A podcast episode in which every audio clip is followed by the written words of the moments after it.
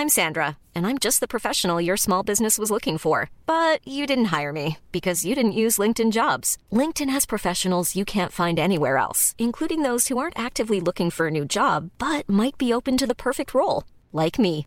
In a given month, over 70% of LinkedIn users don't visit other leading job sites. So if you're not looking on LinkedIn, you'll miss out on great candidates like Sandra. Start hiring professionals like a professional. Post your free job on linkedin.com/people today. Since 2013, Bombas has donated over 100 million socks, underwear, and t-shirts to those facing homelessness. If we counted those on air, this ad would last over 1,157 days. But if we counted the time it takes to make a donation possible, it would take just a few clicks. Because every time you make a purchase, Bombas donates an item to someone who needs it. Go to bombas.com slash ACAST and use code ACAST for 20% off your first purchase. That's bombas.com slash ACAST, code ACAST. Denne episoden er sponsa av TrippelTex, som er et norsk regnskapssoftware-selskap som har 70 000 kunder. Jeg tenker tilbake, Nå sitter jeg og, og skal ta opp en reklamesnutt som går i forkanten av podkasten. Og det er liksom sånn Man tenker ja, ja, bare ja, hold kjeft og kjeft, gå videre. Jeg vil høre episoden og innholdet. Og, og, det er sånn folk forholder seg til regnskap også. Og jeg husker det, jeg husker jeg møtte en veldig vellykka gründer i Oslo. Og så begynte vi å snakke, han hadde drevet flere firmaer, og, sånn, og så snakka vi om hans utdannelse og hva han mente var viktig. Og sånn. Og han sa helt soleklart mente at regnskap var det viktigste du hadde. Å forstå regnskap og gjøre det riktig er det viktigste du gjør som gründer, eller som en person som eier et foretak en eller annen, en eller annen sak. Eier eller drifter et foretak. Uh, og, og, det er jeg helt enig i. Og jeg har utdannelse i uh, regnskap. Jeg har jobba masse med forskjellige regnskapsprogrammer, og jeg hadde regnskap i familien hele livet. Og TrippelTex er fryktelig bra. Um, når, når det kommer til regnskap, så er det uh, du, du, Det er en, en kjip utgift. Enkelt og greit. Det er som, som børsnoterte firma når du må ha, når du må ha sånne her kvartalspresentasjoner. Det er også en kjip utgift. Det er, ikke det er noe du må ha, men det er noe du ikke vil bruke penger på. Men det fine med trippeltekst da, er at det er fordelt opp i moduler. Sånn at du betaler for akkurat det du bruker. Hvis du ekspanderer, du får en ekstern regnskapsfører, så er det eh, liksom tripp-trapp-modell og de alle bruker samme system. Og Det syns jeg funker veldig godt, og det er veldig tilpassa den moderne verden. da. Og, og, det er en problemstilling som jeg har nå. Og, eh, og, og nettopp den, eh, den eh, veien fra å være på en måte en glad amatør og da kunne få hjelp på problemstillinger, er en fryktelig tilfredsstillende eh, vei å gå. fordi det er jo veien mot at du blir mer og mer økonomisk uavhengig. Så jeg anbefaler deg å ta og prøve TrippelTex. Prøve de forskjellige modulene. Du kan prøve det gratis i 14 dager på tripletex.no. Trippeltex.no.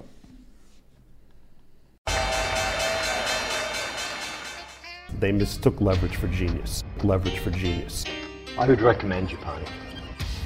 The governments don't rule the world. Goldman Sachs. Velkommen til episode 186 av podkasten 'Tid er penger', en podkast med Peter Warren. Jeg heter Sverre og er produsent. Og um, i dag skal vi snakke en del om markedet. Det er mye som skjer nå, veldig mye tematikker å ta tak i. Vi skal ta og se litt på noe som vi har snakka ganske lite om, som er zombieselskaper og, og, dynamikken rundt dem. I tillegg skal Peter gi sin kommentar om flyremisjonen, som nå ser litt mer sammensatt ut. Ellers så er det eh, eiendom, modellportefølje og hvordan det går med det utrolig viktige amerikanske statsobligasjonsmarkedet. Så eh, da tror jeg vi går i gang med episode 186. Ja, Har det vært ei spennende uke, eller har det vært ei kjedelig uke? Det er uh, litt avhengig av Jeg syns helga har vært veldig lang, i hvert fall.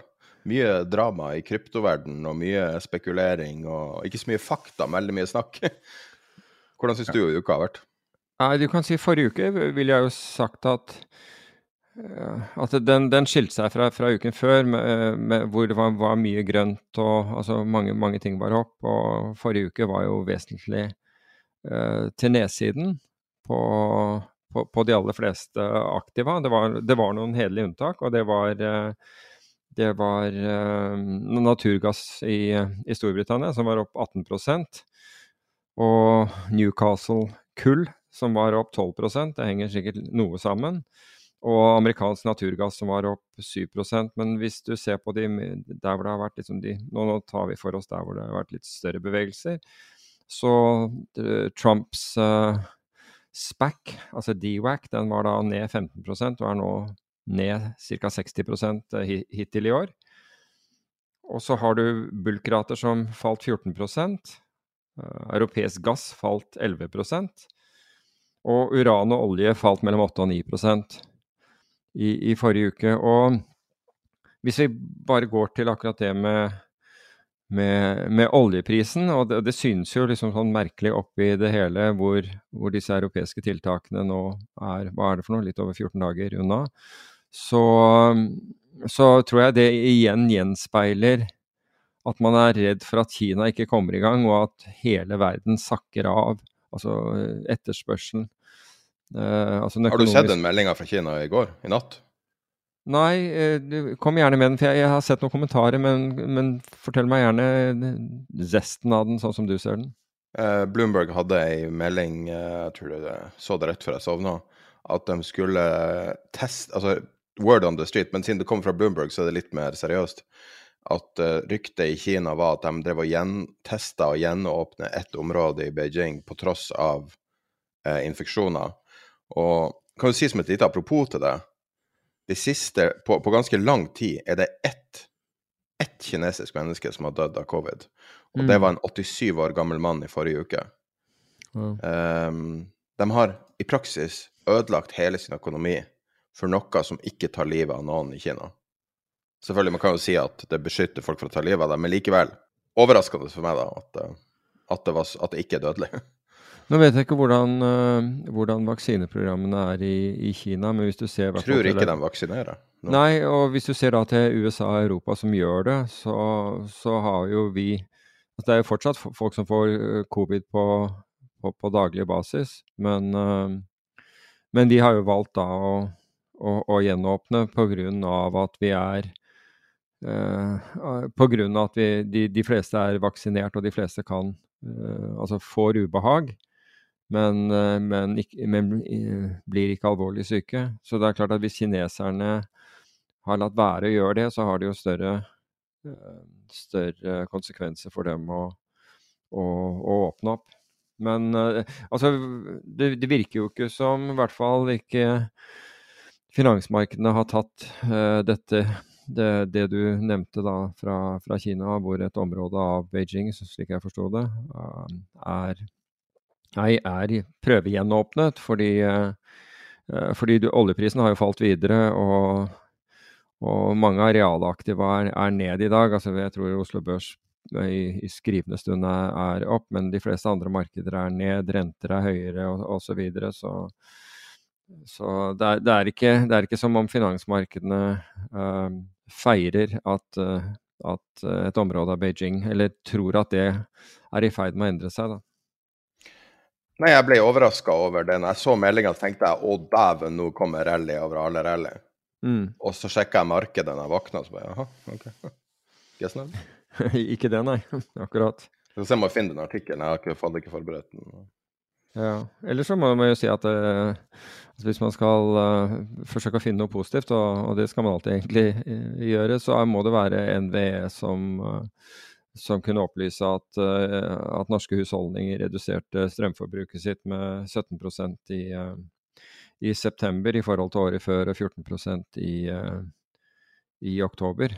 Nå har det jo vært ganske mildt, da, det skal sies, så, så det gjorde ikke så vondt å, å redusere, redusere, strømforbruket. I dag er, det noe helt annet med en iskald nordavind. Så det, det koster, litt, koster litt mer. Ja, det snør her, og det snør ikke i Tromsø. Nei, jeg vet at det, det snødde tett i visstnok i Sverige i går. Vi har sett litt grann, uh, sne her på, på, morgenen, men ikke noe som har uh, lagt seg. Du, Apropos covid og Kina. Um, sjefen, eller jeg vet ikke hva man kaller det, statslederen i Hongkong, jeg vet ikke om det er egentlig statsleder lenger, men statslederen i Hongkong møtte Xi Jinping nylig, og han har nå covid. Så det ja, det vært, så jeg. Det så jeg. Financial Times skrev om det. Ja, nettopp. Han har jo isolert seg i årevis for å beskytte mm. seg mot covid. Så bare interessant faktor. Ja. Er det noe mer som har skjedd uh, siste uke? Um, vi snakka jo litt om yield-kurven. Nå er jo hele yield-kurven invertert.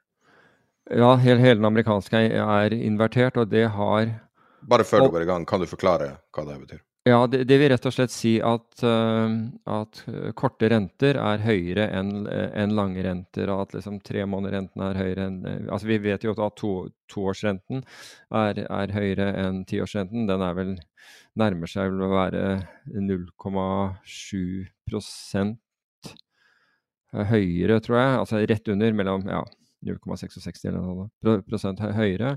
Så den har bare blitt har, Der har, man, der har har eh, kurven blitt brattere. Eh, men nå er det også de aller korteste rentene har også gått høyere enn en, langrentene. Og det er jo man, man, kan gjerne si at man, man kunne eh, tenke seg at det, at det, betyr at inflasjonen er på vei ned. Men det er først og fremst de korte rentene som vil reagere på på eh, inflasjonsforbedringer. De lange rentene er mer lenket opp mot eh, økonomisk aktivitet. Så lange renter, helt klart, og i hvert fall fasongen på denne yield-kurven, rentekurven på, på norsk, tilsier, at, uh, tilsier en resesjon i USA, som er på en måte Det er mange som ha, uh, mener at USA er på vei inn i en re resesjon allerede. Goldman Sachs er vel en av de få som, som ikke tror det. Men, men, men høyst sannsynlig, altså som sagt, når hele yield-kurven har vært invertert, så det har aldri vært et tilfelle før som ikke har ført til resesjon. Og det, det strået jeg tror alle driver og griper til, det er det stramme arbeidsmarkedet i uh, USA. Og det er jo en positiv ting. Jeg, er helt enig i at det er det.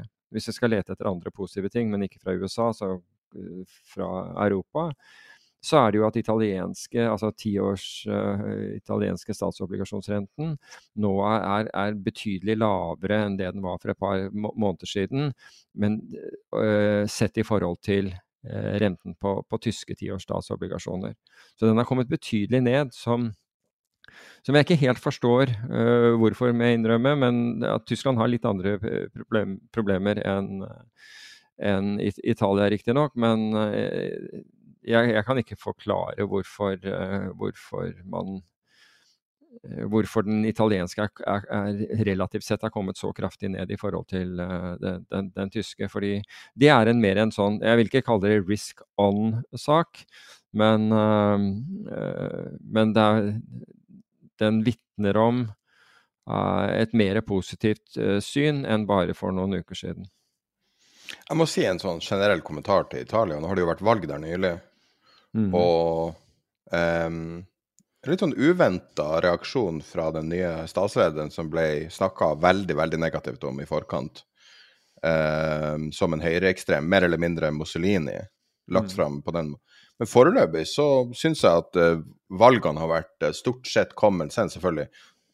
Forvent, altså De har nektet å ta imot flyktninger, som er selvfølgelig uh, pga. Av, av den politikken. Men når du ser helheten, du ser liksom talene som blir holdt og valgene som blir tatt, f.eks. Ukraina, så litt sånn overraskende uh, hvordan det manifesterer seg. Da. Jeg vet ikke om du har uh, fulgt med på det? Nei, men jeg tenker jo at vi, vi befinner oss inni en, en, krise, og ikke bare sånn uh, sikkerhets- og geopolitisk, men også, også, for så vidt økonomisk. Delvis som følge av det, av det sikkerhets, sikkerhet og geopolitiske. Så beslutninger som tas nå, tas på en måte på et mer makronivå enn på et sånn partipolitisk nivå. Altså det, det er vanlig at det nå gjelder dessverre ikke det Norge, der synes det å være veldig mye partipolitikk i, som, som, fortsatt styrer. Men i kriser så må man liksom ta for seg de, de, viktige tingene først. Altså gjøre de nødvendige valgene som man må gjøre i, i krisesituasjoner før man, før man kan gjøre ting som, som akkurat i øyeblikket nærmest fortoner seg som, som luksusproblemer. Altså. Siden uh, siste episode, så uh, omtrent siden siste episode ble tatt opp, så er prisen på uh, ett fat nordsjøolje ned omtrent 10 Hva i alle dager er det som har skjedd der? Nei, det er akkurat uh, som jeg innledet med. Altså jeg, det er rett og slett fordi man, man frykter at en gjenåpning i Kina vil, vil uh, vare lenger, altså før, før, man gjør det. Altså Markedet har begynt å, å miste troen, altså miste håpet på at det, det, skal skje. Og frykte konsekvensene av det for, for verdensøkonomien. Så det har ikke noe med strategiske oljelager i USA å gjøre? Nei, altså du, du, kan si at nei, egentlig ikke. Fordi de, altså, det Og det forbauser meg, altså siden du nevner det akkurat i eh, eh, SPR, altså de strategiske lagrene, så, så forbauser det meg at ikke eh, Biden-regimet benytter anledningen nå, spesielt med, med, med WTI, altså den amerikanske lettoljen, Eh, rett under 80 dollar til, til å, å, begynne å, øh, å øh, restock, hva heter det for noe? Altså, kjøpe tilbake olje? Kjøpe, ja, rett og slett begynne å fylle, fylle, fylle, opp lagrene sine igjen. altså Begynne å få disse lagrene i balanse. Også fordi det, altså både av strategiske årsaker, men også, for, men også nasjonale årsaker til å ha noe å stå imot med Eh, ved en senere anledning, fordi de er, de er ekstremt lave.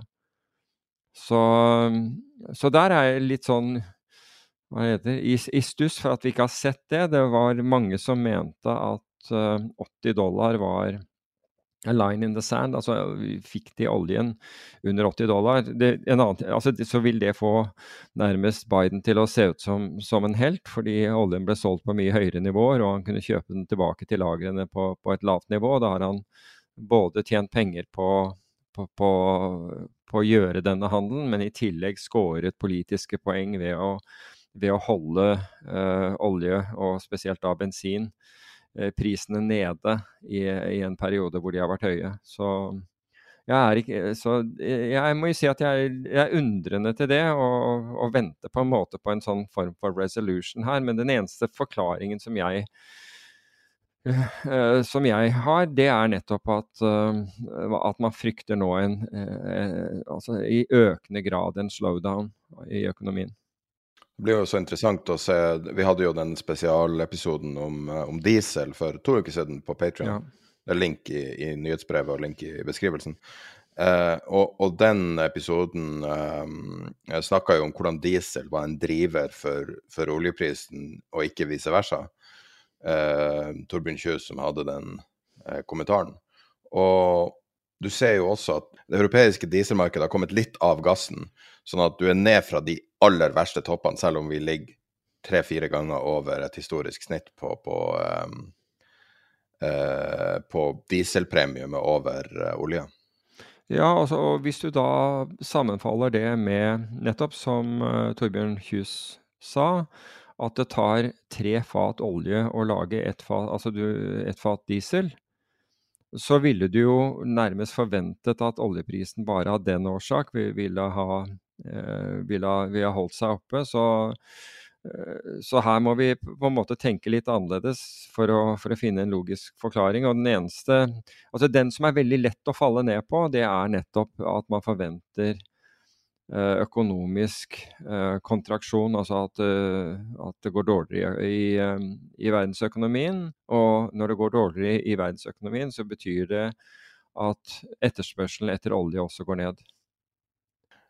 Hva du syns om å investere direkte i diesel? Er det for spekulativt for folk som ikke jobber med, som, som ikke er naturlig eksponert for sånn? Altså, jeg, jeg, tror at vi, jeg tror uansett hva du investerer i, så trenger du å sette deg inn i eh, det du driver med. Alternativt så må du plassere pengene dine hos en forvalter, og da skråstrek fond, som er eksperter på området. Det, og, og det, det, gjelder diesel uh, og oljeprodukter, men vel så mye som, som aksjer på Oslo Børs. For det, altså Medianaksjen i, på Oslo Børs er ned over 20% Hadde ikke vi hatt olje og, øh, og, og shipping i, øh, i indeksene, så, så, hadde, så, hadde, vi vært nede, i, nede på, på 20-tallet. Men den jevne investor har en mye dårligere avkastning, nettopp fordi de investerte da i høyrisikoaksjer helt på slutten av en, av en øh, oppgangssykkel.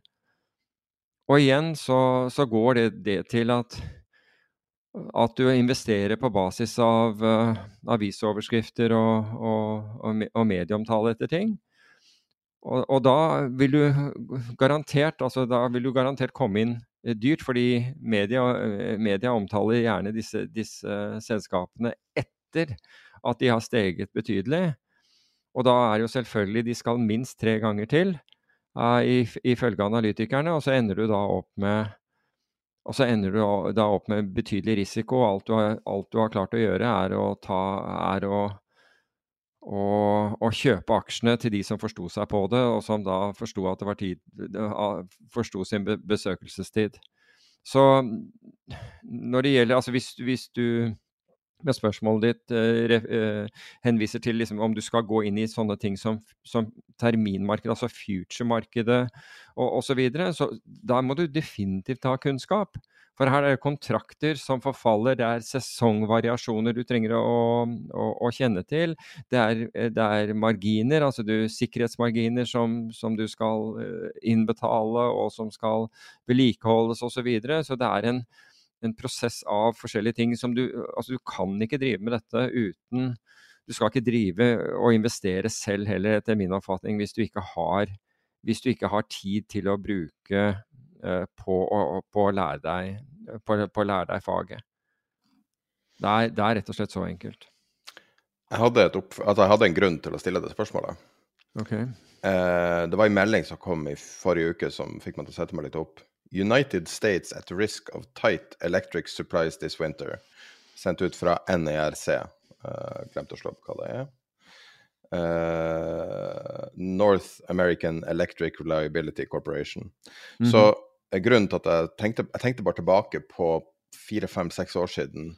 Så hørte jeg historier om veldig mange som hadde kjøpt seg dieselgeneratorer på Long Island etter den der orkanen som traff. Og um, jeg vil mistenke at det er ganske mange i Texas, det er ganske mange uh, på andre rike plasser som er utsatt, som har dieselgeneratorer i huset. At det er litt vanligere i USA. Og det som er spesielt med diesel, er jo at det er overførbart. Altså det, på, det, påvirkes av Altså det er et overførbart produkt mellom elektrisk og, og olje. Eh, siden det kan brukes til generatorer. Eh, sånn at du kan få en Jeg vet ikke om du kan få en altså Det er jo sånne ting du bruker å snakke om. altså Hva er liksom på en måte følgeeffekten av noe? Um, og um, jeg bare tenkte det som en mulighet, at, at det er noe vi kan se. Ja, ja, det kan være at det er, det er sånne drivere uh, bak det. Ja, absolutt. Men, men, hvis jeg kan bare gå kjapt tilbake til akkurat det der jeg, jeg snakket om uh, med det der å kunne uh, det man, man, driver med, så sa jeg forrige gang så, så, var det min påstand at det er ingen som har snakket om at, at det er bare å bli sittende med aksjer, så, så for alt kommer opp igjen. Um, det, at du ikke har hørt det siden, siden Euronex uh, Growth uh, ble til. Og i, i, dag så leser vi bl.a. at uh, Og det, det, er vel det en som, som skriver om, om kurskollaps for, innenfor bioteknologi. Og det er, det er jo da eh, selskaper som, foks, som, forsker på alle mulige former for Det kan være vaksiner, det kan ha med kreft å gjøre, det kan ha med andre ting å gjøre, men det er liksom sånn høyrisikoområder og man har gått mer og mer og mer for disse høyrisikotype områdene. Og så plutselig, og, og, Mens utfallet her kan være veldig binært. Altså Det ene er at selskapene stadig, altså hvis forskningen tar lengre tid, så må selskapene stadig ha, mer, ha, ha inn mer penger. Men utfallet er gjerne binært. altså Enten så får de det til, eller så er det ikke noe verdt. For det er ikke sånn at vi, vi, altså, vi, vi, fikk til bitte lite grann. Altså, enten så, enten så, har du knekt koden, eller så har du ikke gjort det. Og hvis du, hvis du sammenligner det med et industriforetak som, som, kanskje påvirkes av økonomiske sykler, tilbud og etterspørsel etter, etter uh, industrielle varer, så er det en helt annen type investering du har gjort når, når du er f.eks. Innenfor, innenfor bioteknologi, hvor det er nærmest, som jeg nevnte, et binært utfall. Enten så scorer du fantastisk, Ellers så blir det ikke noe verdt. Og hvis du skal inn i den siste sektoren, så må du da ha råd til å kjøpe det opp med, i, på, på, så mange selskaper, fordi du vet at alle lykkes ikke. Det er helt garantert. De aller fleste gjør det ikke. Slik at du må da klare å også sitte med et, med et vinnerlodd. Og dessverre virker det ikke som folk er, er forberedt på dette i det hele tatt. At, uh, var ikke det en norsk forvalter som var veldig god på akkurat den biotek-biten? Uh, det kan godt hende. Uh, nå klarer ikke jeg å, å, å ta det at det tar for meg head, men det, det, er godt mulig at det er altså, Du kan si at forvaltere som, som spesialiserer seg på, på, dette, har jo mye høyere troverdighet enn en forvalter som Eh, som handler alle mulige typer selskaper. Det sier seg selv. Og, eller at du har analytikere som er spesialister på dette området og vet hvor de skal hente informasjon og, og kan forstå uh, kan, kan, forstå uh, svarene fra, man har gjort fra medisinske prøver osv. Det vil være en stor fordel. Men man trenger ikke å være så komplisert heller, for vi har da vi, altså vi kan bare gå til Flyr, Flyr-aksjen. Og jeg, men jeg er veldig positiv til, eh, til, til eh, Flyr som et, som et, flyselskap. Har, har, ingen, eh, har ingen økonomiske insentiver eller engasjement i dette på, på noen måte, bare for å, å disclose det. Men hvis du, hvis du ser fra, fra, mars i, i 2021 og, og, til nå, så er aksjen ned nesten altså, Du kan ikke si 100% for det hadde ikke vært noe, men altså, jeg, jeg, jeg, tror jeg regnet det til Nå er det avhengig av hvilken kurs du bruker, men dette var i dag morges, til 99,79 Så hvis du, hvis, du, hvis du, liksom sitter her Det er bare å sitte jeg, det, det kommer opp igjen. Og hvor mange tror du ikke kjøpte dippen fordi vi ble om og om igjen fortalt at det var det man skulle gjøre? BTF, det var det du skulle gjøre, ikke sant? By the effing dip. Det var alltid riktig å gjøre. Og så mange har gjort det, og så går den lavere, og så går den lavere, ikke sant? Og så nå og så kan du tenke deg hvilken avkastning du skal ha hvis det, den, skal, den, skal, komme tilbake. Jeg ønsker selskapet alt godt, bare så det er sagt. Uh, men, uh, men dette er, dette er uh, Vi er nå i en tid hvor folk møter seg selv i døren. ikke sant? Altså, har du hatt flaks under denne oppgangen, så, er, så har flaksen din rent ut, altså. Rett og slett. Du har ikke, det er, det er veldig få som har flaks i det. I, det kan hende at du, at du, har, at du finner en, i hvert fall, men for de som har da i tillegg belåning på sine posisjoner, så er jo, det, så er jo sånne ting en katastrofe. Jeg fant han forvalteren jeg nevnte. Han har uh, eh, slutta og jobbe i bransjen nå. Han jobber i ah. biotek. Ah, ja, så kanskje han jeg vet ikke, kanskje han ikke var så bra, eller kanskje han var så bra. Jeg vet ikke. ja, eller kanskje han hadde gjort det såpass bra i, i, innenfor den sektoren at uh, han besluttet å pensjonere seg. Det er en del trades som skjer nå som er litt interessant. Uh, uh, er det opsjoner som driver markedet nå, egentlig? Vi har jo snakka mye om put call-ratioen. Um, er det, det, det gamma-styrt marked, men, men, at det er mer eh, market-wide nå enn det var i 2001, når, nei, 2021, når, um, uh, når det traff ting som GameStop og, og Nokia og sånne ting? Altså, du, du, kan forklare altså Det som er, er jo at det er uh, At det er ekstremt korte opsjoner det nå handler om. Altså disse null DTE-opsjonene. Altså zero days to expiry. Uh, som, som, folk driver og, og, og, handler i. Altså med andre ord, de, de, kjøper opsjoner som forfaller senere samme dag. Og det, altså hvis du skal Hvis du virkelig skal drive og gamble, så er det jo akkurat det. Altså du, du, du skal ikke bare ha, ha rett på, på, retningen, men det må skje umiddelbart for at du skal kunne tjene penger. Um, og Altså jeg kan huske i valutamarkedet. Der, var, der omsatte man uh, overnight-opsjoner og, og, og, og, dagsopsjoner. Men der var gjerne uh, årsaken til at man at det var etterspørsel etter slike, det, det var som regel fra, fra banker som f.eks. hadde store uh, opsjonsforfall eh, den samme dag, fordi det vanlige er klokken fire norsk tid at eh, opsjonene forfaller. Og, og følgelig Eh, ville dekke risikoen sin, ønsket ikke risikoen på, på dette, så de kanskje, kanskje kursen var, var nær i nærheten av, av, innløsningskursen, og ønsket bare ikke det, det, problemet. Det kunne jo være milliarder av, av dollar som, som forfalt.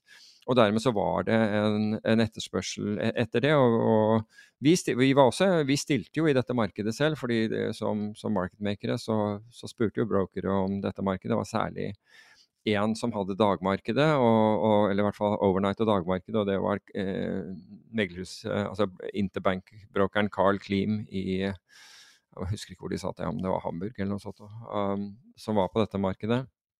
Men det som skjer i, det som skjer i uh, aksjeopsjonsmarkedet, eller indeksopsjoner, altså, det tror jeg er bare ren, ren, gambling av folk som ikke tør å ta lineær risiko. Så de er villige til å betale en opsjonspremie, og så det, har de da uh, Så stormer de nærmest markedet uh, for, for denne type opsjoner.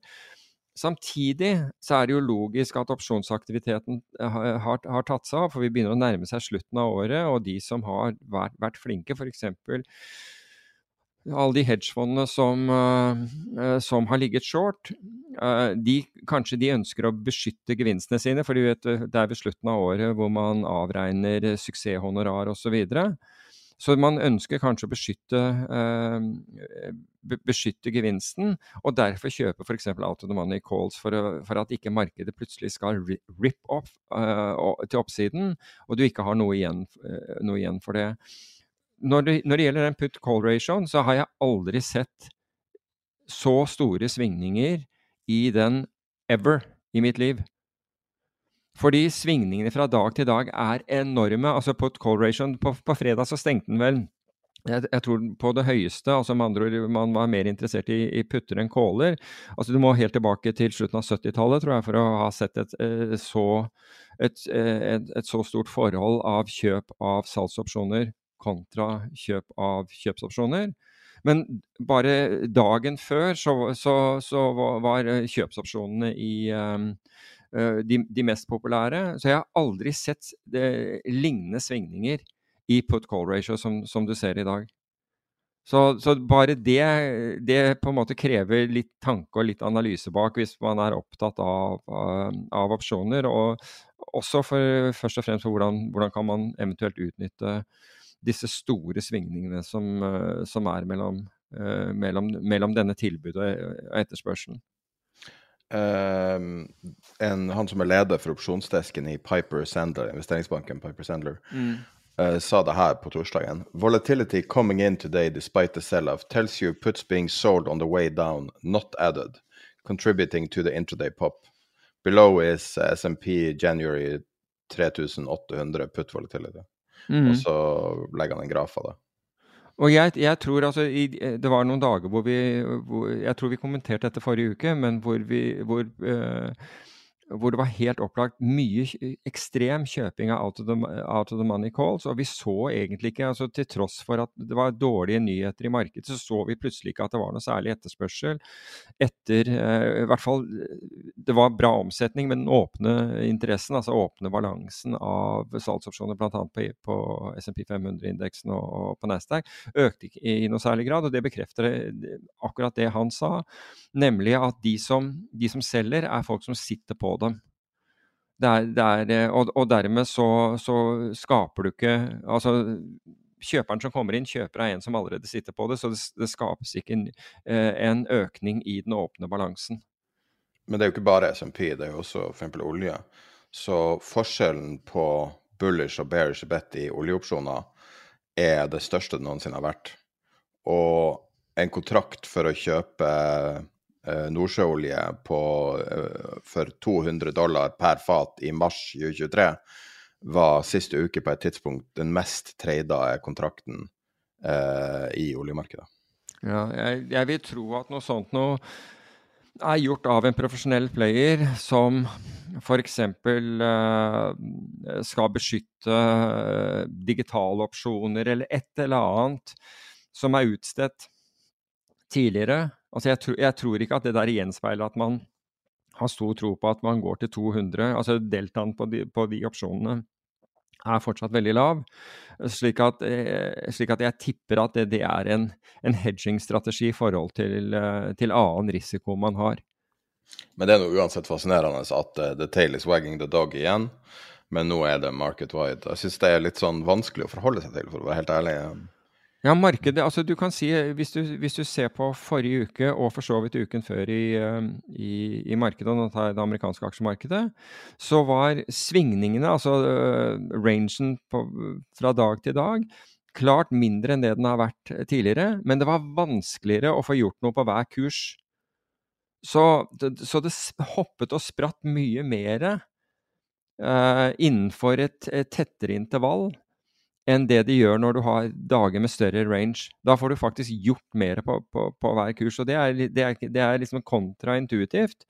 Men du så den der enorme nervøsiteten. Det skulle omtrent ikke noe til i volum for, for, for, at eh, kursen uh, stoppet uh, og ikke tok deg ut. Altså, hvis du lå rett under markedet og, entret en ordre, så, så, så, så du markedet rekulere opp på, på, på veldig små volum som ble, ble, lagt inn.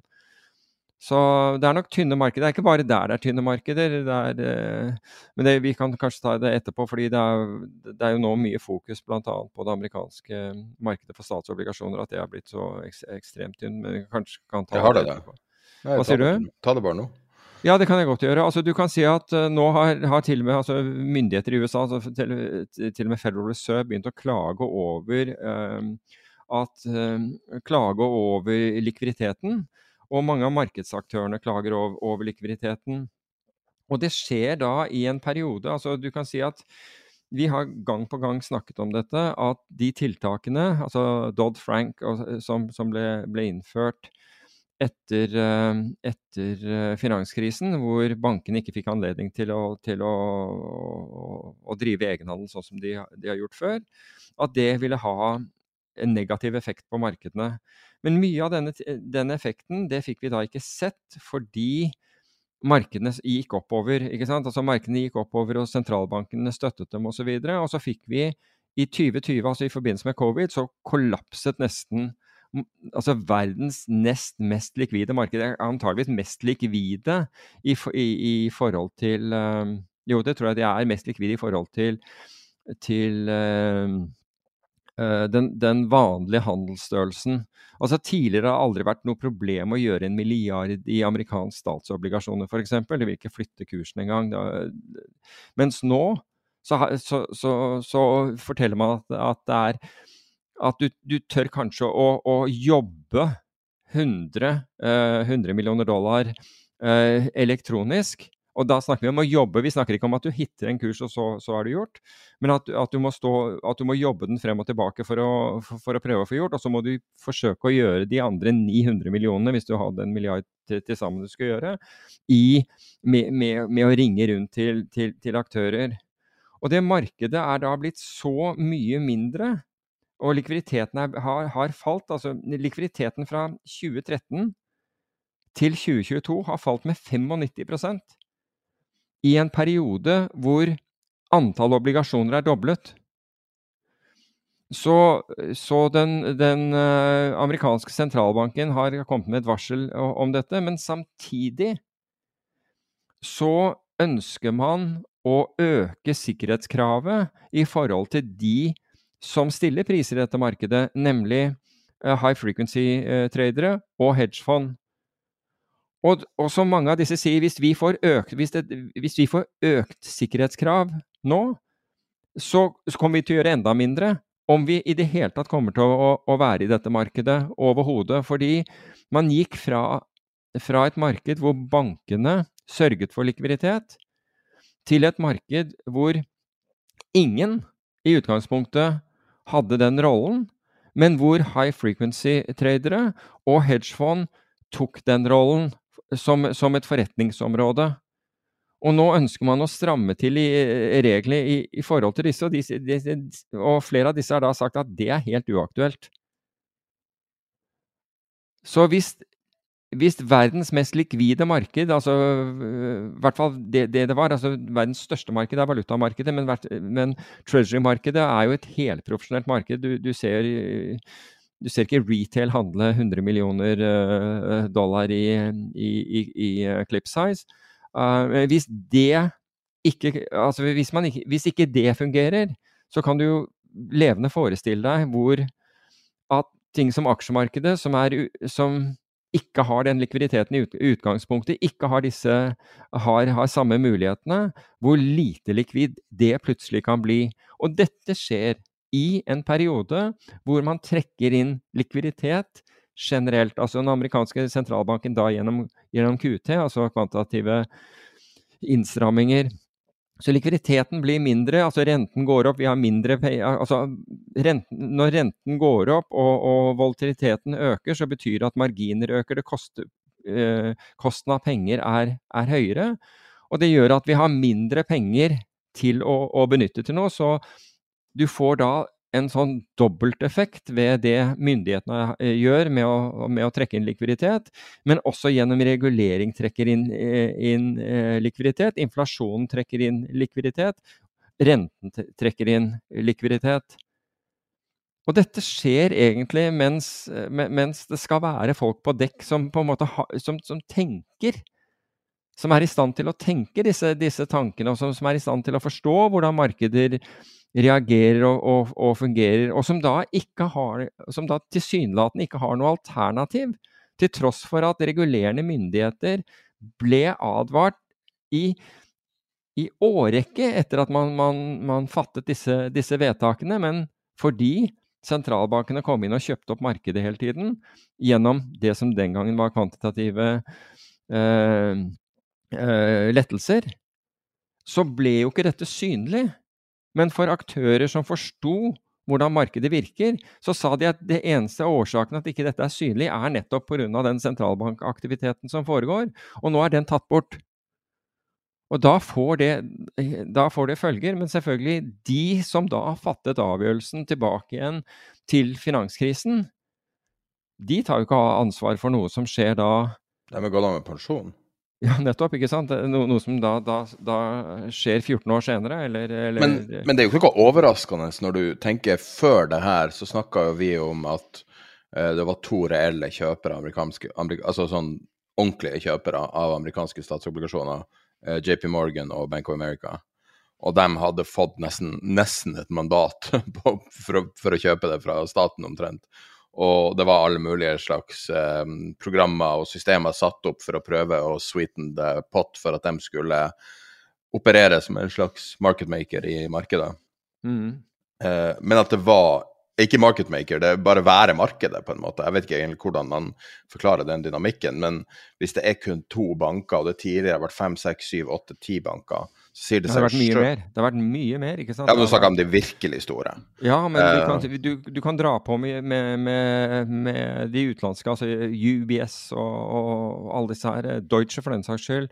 Altså alle disse her som var, som, som stilte i treasury-markedet. Gjør de ikke det lenger? Nei, altså de, du, du, får sikkert en pris, men den er dårlig. ikke sant? Altså, det er ja. det som er problemet. Du får ikke gjort volum. Slik at altså, Ta f.eks. et land som Japan, da, som sitter på store mengder amerikanske eh, statsobligasjoner, eller Kina for den saks skyld. Altså, hvis noen begynner da å selge inn i det markedet, en virkelig stor aktør begynner å selge inn i det, i det markedet nå, er, nå, har man jo problemer med å ta unna det som er helt naturlig Uh, naturlig omsetning. Ikke det at en av, en, en av, de virkelig store holderne av amerikansk gjeld ønsker å komme ut. Så, men det, altså, amerikanerne, eller Federal Reserve, har da antydet Jeg vet ikke om det er så langt som å, å foreslå, men det er i hvert fall antydet at, uh, at de kan være kjøpere av off the run altså øh, obligasjoner. Ikke som, en, ikke som en QE, men at de, de, kanskje kan prioritere å stille på, på, på de mer illikvide, illikvide papirene. Så, så får vi se om, får vi se om det, det, kan avhjelpe noe. Eh, før vi starta episoden i dag, så diskuterte vi et tema som vi eh, ikke snakka så veldig mye om eh, i denne forstand, men som vi kanskje kan ta opp eh, litt nå, og det er zombier.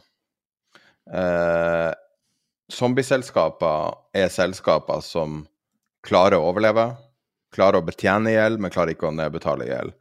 Eh, og derfor, i praksis, har de Altså, de klarer bare å, å vade gjennom, gjennom livet, og ikke spesielt attraktivt som investering.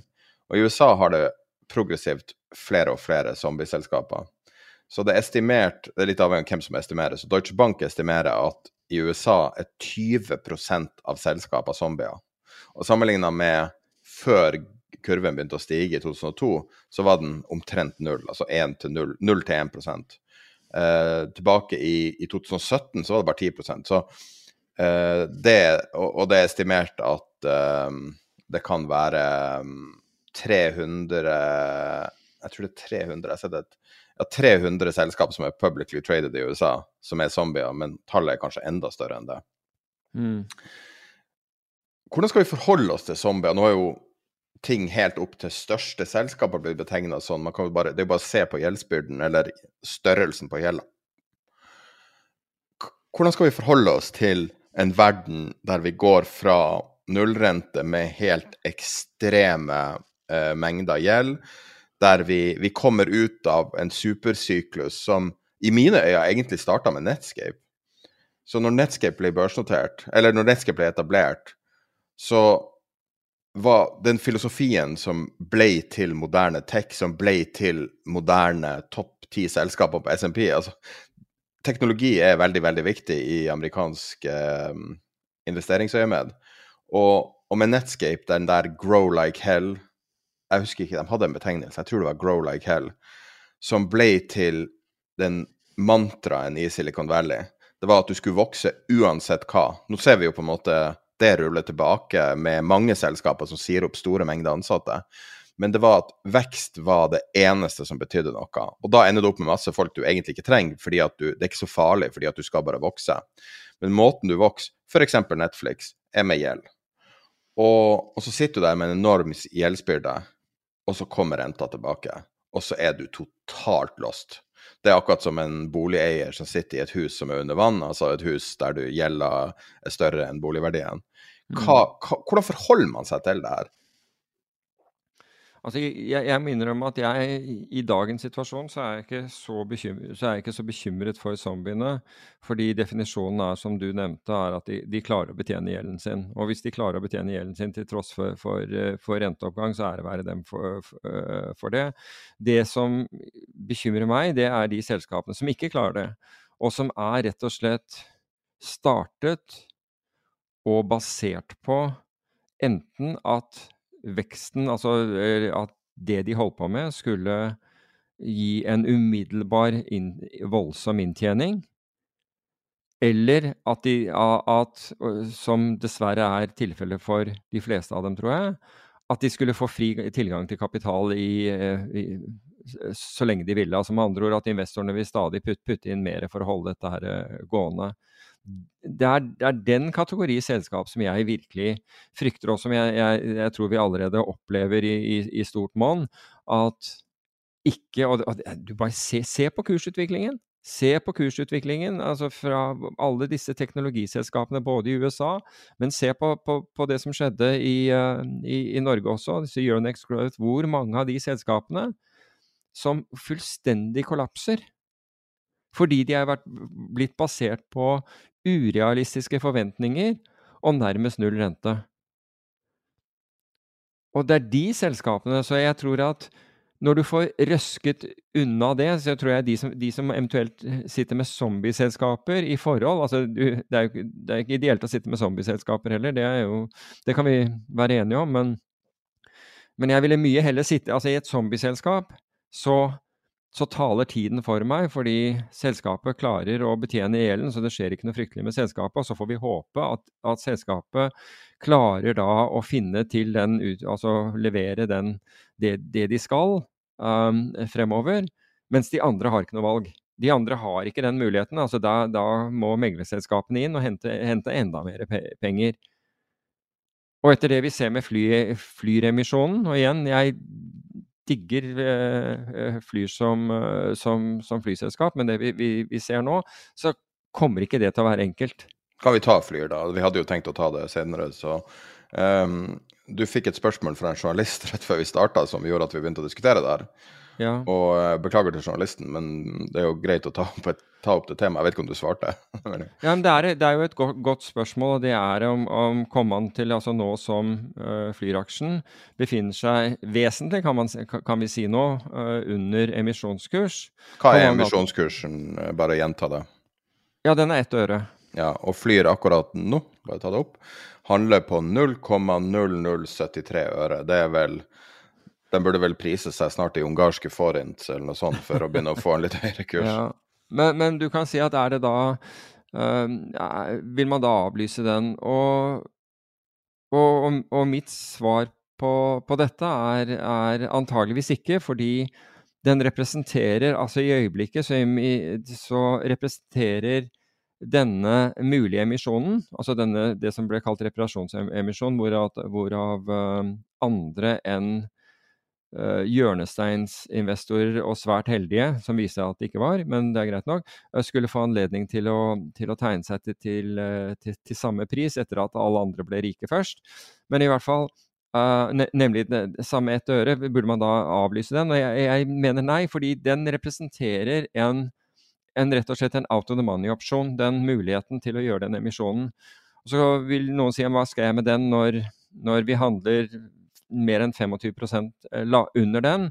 Ja, det måtte være at kursen kommer opp igjen. fordi det, det, du vet jo ikke det. Og det, det er ingen prognose fra, fra, mitt ståsted, men den, en slik emisjon utgjør nå en opsjon. For hvis Du kan si at ingen vil tegne seg til ett øre hvis de kan kjøpe aksjen på børs 25 billigere. Det, det, det, håper jeg virkelig ikke. Uh, men skulle noe inntreffe som gjør da at kursen på Flyr hopper, og la oss si at den, gjorde det, den gikk opp til, uh, til 1,1 øre eller et eller annet sånt, så, så ville jo den umiddelbart ha en verdi. Da, ha, da, da, har, du, da har, du, en egenverdi på, på, på, på, den emisjonen. Så hvis jeg var en av de som hadde mulighet til å kjøpe uh, Til å delta i den emisjonen når den måtte komme, så ville ikke jeg ønske at man avlyste den. Jeg ville heller sittet på gjerdet i, i tilfelle den opsjonen min ble noe verdt. Men det er klart at hvis du kommer til den datoen hvor du må forplikte deg til å kjøpe til, eh, til ett øre, og kursen befinner seg 25% lavere, eller 10 eller hva, eller hva som helst, så er det klart at da, da gjør du ikke det. Da, da, da, lar du denne opsjonen forfalle verdiløs, for å si det på den måten. Og for ordens skyld, hvis du priser flyr i ungarske forint, så er det 29. 0,29. så det er litt okay. høyere tall. Ja, ok. Uh, så, så, det er det. Men har emisjon vært en, en, en ja, Jeg liker ikke å bruke det der uttrykket. Jeg ser det at, det, at det står her. Eh, spørsmålet er om det har vært en, en fiasko. Altså det, det, er klart at Med det man vet, nå vet, så, ikke, så kan, man, kan, man, jo ikke kalle det en suksess. Uh, Flyr har fått pengene sine, så sånn sett er det jo en suksess for Flyr at de har fått penger. Um, men hele den prosessen har jo gått, har jo gått skeis. Det er jo ingen, ingen, ingen, tvil om det. Men det er jo, du kan ikke hoppe over det temaet. Flyr har fått penger. Det er alt som betyr noe for dem. Ja. Og det er derfor, det er derfor alle investeringsbanker i, i, uh, kan ta sånne fis som de tar. Fordi at å få inn penger er ene og alene det som betyr noe. For, ja, det er derfor jeg sier at, at eh, ikke, altså for, for, selskapets del så har det ikke vært en fiasko, for investorene har det. Men her var jo investorene, i hvert fall noen av dem, ekstremt tydelige på at det første de kom til å gjøre, var å dumpe kursen. Altså de kom til å dumpe aksjer i det øyeblikket dette ble, ble kjent. Og ulikt Norwegian-emisjonen så trodde denne gangen tydeligvis eh, og, og, nå man kan si at investorene har blitt kloke av skade, fordi de som satt på eh, som satt da med, med Flyr-aksjer, må, da, må da ha, ha, dumpet aksjer. og Det er sikkert, sikkert det er godt mulig at det er udekket shortsalg her også. Men i forhold til Norwegian, hvor folk ble sittende og faktisk handle disse milevis over en emisjon som Altså til og med altså Meglerhusene gikk ut og advarte mot konsekvensene av hva det ville bety, og så allikevel ble folk sittende. Så, så, altså, så gærent som det gikk med den Norwegian-emisjonen eh, for, eh, for, investorene som hadde sittet, på, eh, hadde sittet, med denne aksjen en, en, stund, så ser det i hvert fall ut som det ble lærdom da det ble overført til kontoen for voksenopplæring, og man gjorde ikke det samme denne gangen. Hva er det greia med Hvorfor er det det? Det er liksom et sånn norsk fenomen med de tegningsrettene. Hvorfor, av en eller annen grunn, så stimulerer det så vanvittig mye kreativ energi hos investorer? Og på et eller annet vis taler det til investorer mer enn noe annet. Var det historisk en tegningsrett som ble en utrolig god investering? Er det det som sånn at folk husker en eller annen gammel deal? Jeg husker ikke hva, men jeg vet jeg at det har vært mange. Jeg, jeg, aner ikke hva det er, men du kan si at uh, Norge har jo vært liksom Robin Hood omvendt. Altså istedenfor å, å, å ta fra de rike og gi til de fattige, så har, har, de, har de, fattige gitt til de rike. Helt åpenlyst.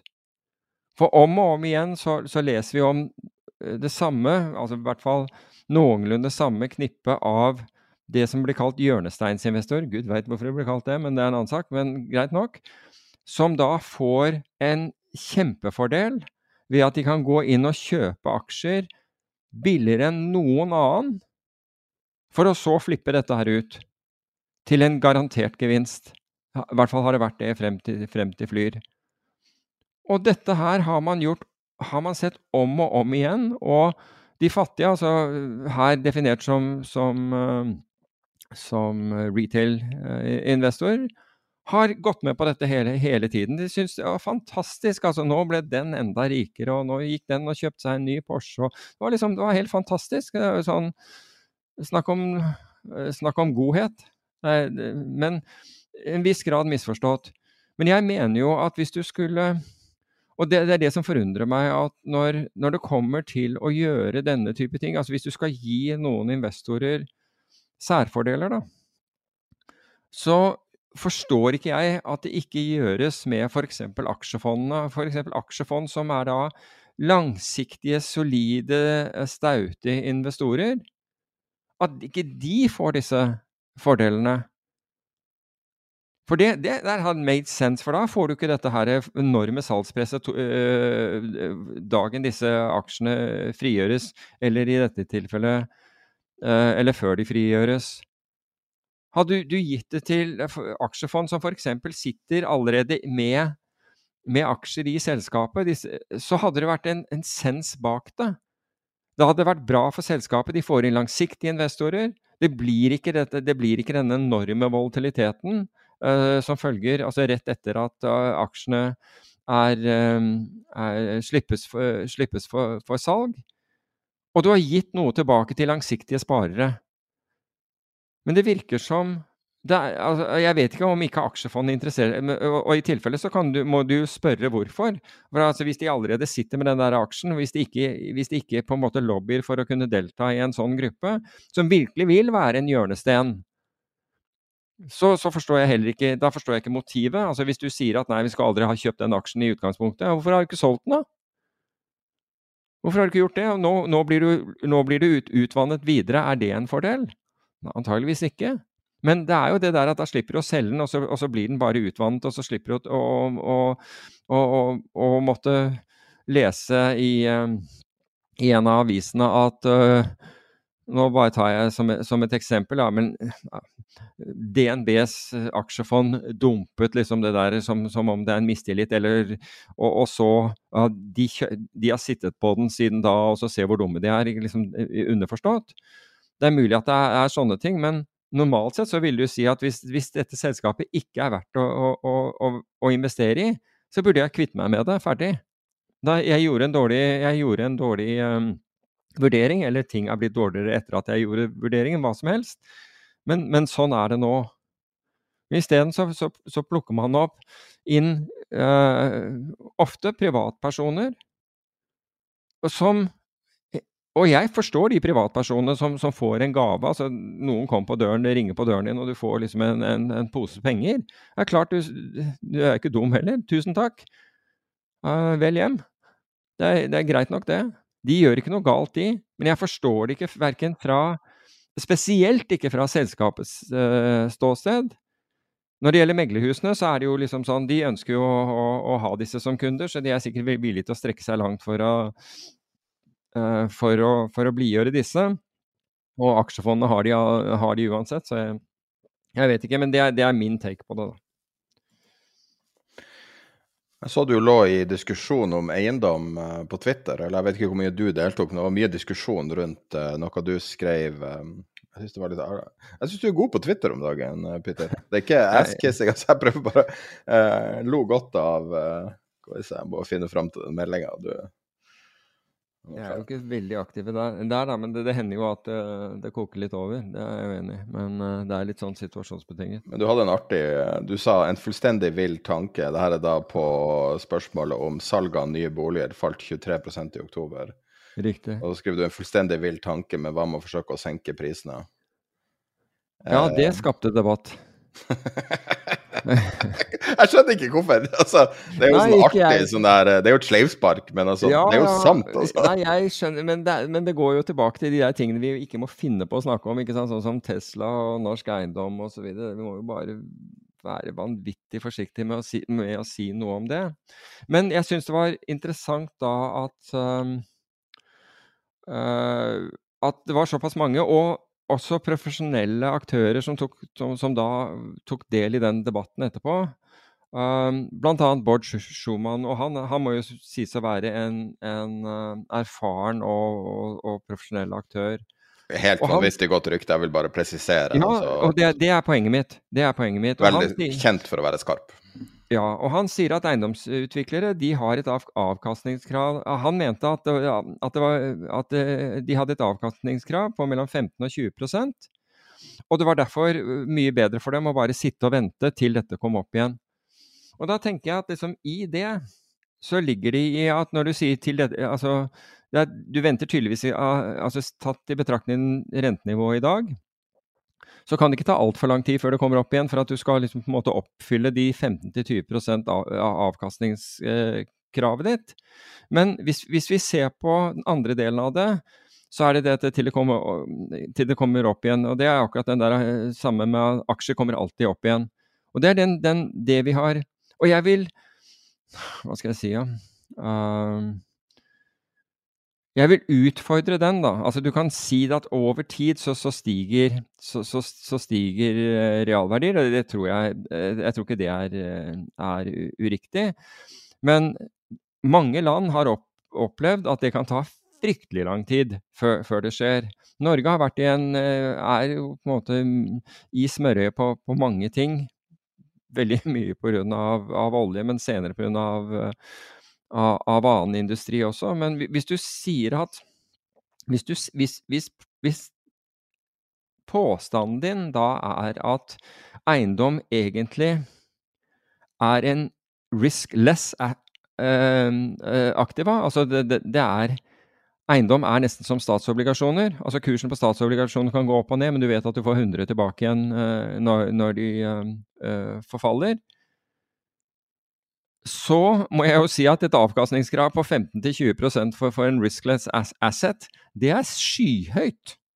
Det, det, det syns jeg ikke står i forhold til den sikkerheten man mener at dette, det, dette representerer.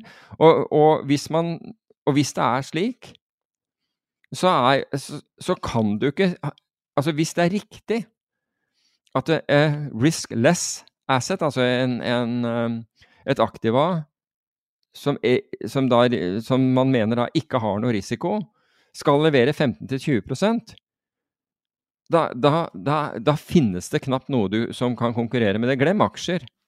Men noe slår meg her, jeg tror ikke du har gjort koblinga, men er ikke det nøyaktige argumentet til FTX? De sa jo at jo, jeg, det var 15-20% Av, nei, jeg vet ikke om det var 50, men det var omtrent nøyaktig det beløpet, og det var risk free. Jo, altså jeg, jeg gjorde den koblingen, men, men, men tenkte at det, det, er for langt å trekke det. fordi det ingen, ingen Så, så, så, så den, får, den får, stå for din regning, akkurat det. For jeg, jeg mente jeg ville ikke gjøre den, den koblingen for det, uh, som dette her har. Men det jeg syns Altså hvis du, hvis du går litt lenger, da. Hvis du sier at dette er en riskless asset. La, la oss si at du er villig til å diskutere den, den påstanden, eller villig til, til en viss grad, eller, 100, eller helt, akseptere den, den, den, påstanden at det er en riskless um, asset, som da tjener 15-20% Men så ser du da og dette er Holberg som hadde i, i forbindelse med, med, disse grafene som de publiserer en gang i uken.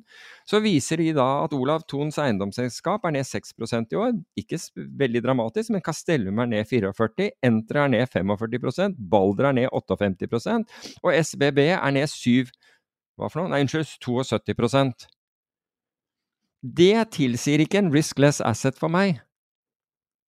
Så jeg syns denne, denne, diskusjonen er interessant, jeg. Jeg, jeg forsøker ikke å,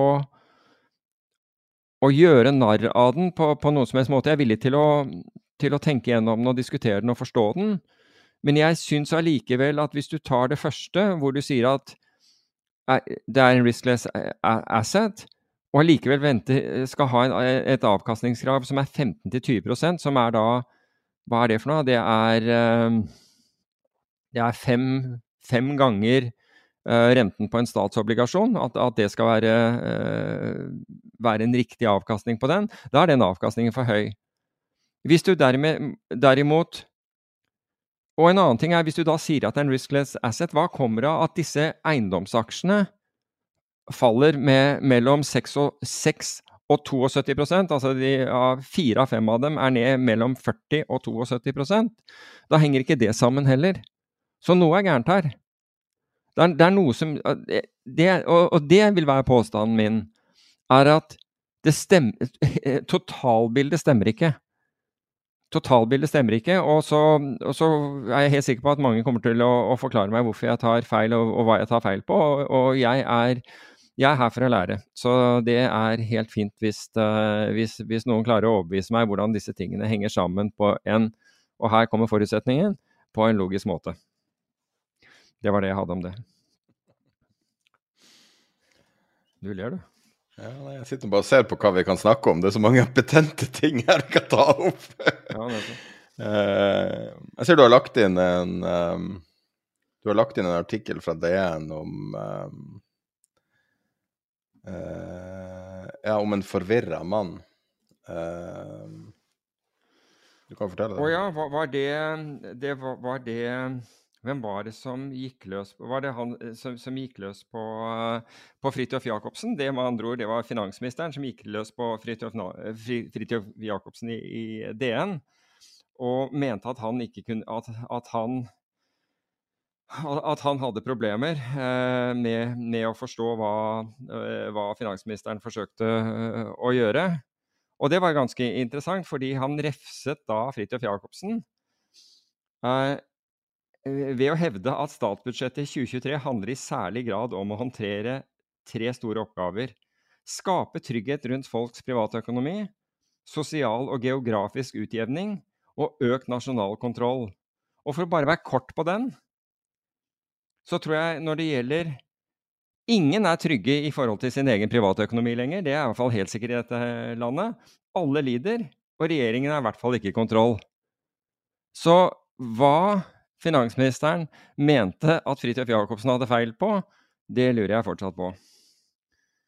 Men det var interessant at han tar seg tid til å skrive en sånn derre en rebuttal til, eh, til eh, Fridtjof Jacobsen som, eh, som, som, utfordrer dem på, på prioriteringer og kontroll. Da har jeg et tilsvar til Trygve Slagsvold Vedum, som jeg har tenkt på lenge. Kan jeg gjøre det, eller er det for politisk? Jeg vet ikke hva Det handler ikke om politikken hans. Ja, Det handler om måten han snakker på. Du har bedt meg om Ja, å ok. nevne disse. Ja, ja, jeg, jeg bare leste det. Oh, ja. Du må ikke forklare hvordan vi prøver å komme oss unna det her politiske løftet vi har kommet med for lenge siden, som er et helvete å forholde seg til. For lenge, lenge siden så inngikk vi en avtale om at vi skulle holde oss unna politikk for å, for å ikke basically splitte lytterskaren, altså, og ikke bare skape krangel over ingenting. Det er vanskelig for å forholde seg til, eh, til de reglene alltid, for politikk er nå tross alt litt viktig. Men kan jeg få lov å komme med altså, Men grunnen til at jeg sa navnet hans, var fordi at det er ikke hans kraft som finansminister, det er ikke hans kraft som politiker. Men en ting i, som jeg har lagt merke til de, hver gang du ser han snakke, og det er jo ganske ofte, som, som jeg ikke har sett så, fra så mange andre politikere. Og jeg vet ikke om alle er en idiot, eller han tar feil. Fordi at hver gang jeg ser han snakke på TV eller i avisa eller et eller annet, så sier han nei, nei, nei, du forstår ikke, her er det som egentlig skjer. Så tenker jeg, er det sånn at alle misforstår hele tida? For hver eneste gang han snakker, så bare Nei, nei, du misforstår. Tallene er det. Her ser mitt regnestykke. Nei, du misforstår. Det her er egentlig en, en skatt på det og ditt og datt. Altså, det er liksom Uansett hva det er, så er det Nei, du misforstår. Her er svaret. Nei, du misforstår. Her er svaret. Jeg husker ikke at Obama sto og snakka sånn, liksom. Så jeg mistenker at folk liker noen som innrømmer feil. Innrømme feil er en ganske positiv egenskap. Og jeg vil oppfordre han til å innrømme feil av og til. Og ikke stå på hver eneste og skrive en sånn her bitter kommentar.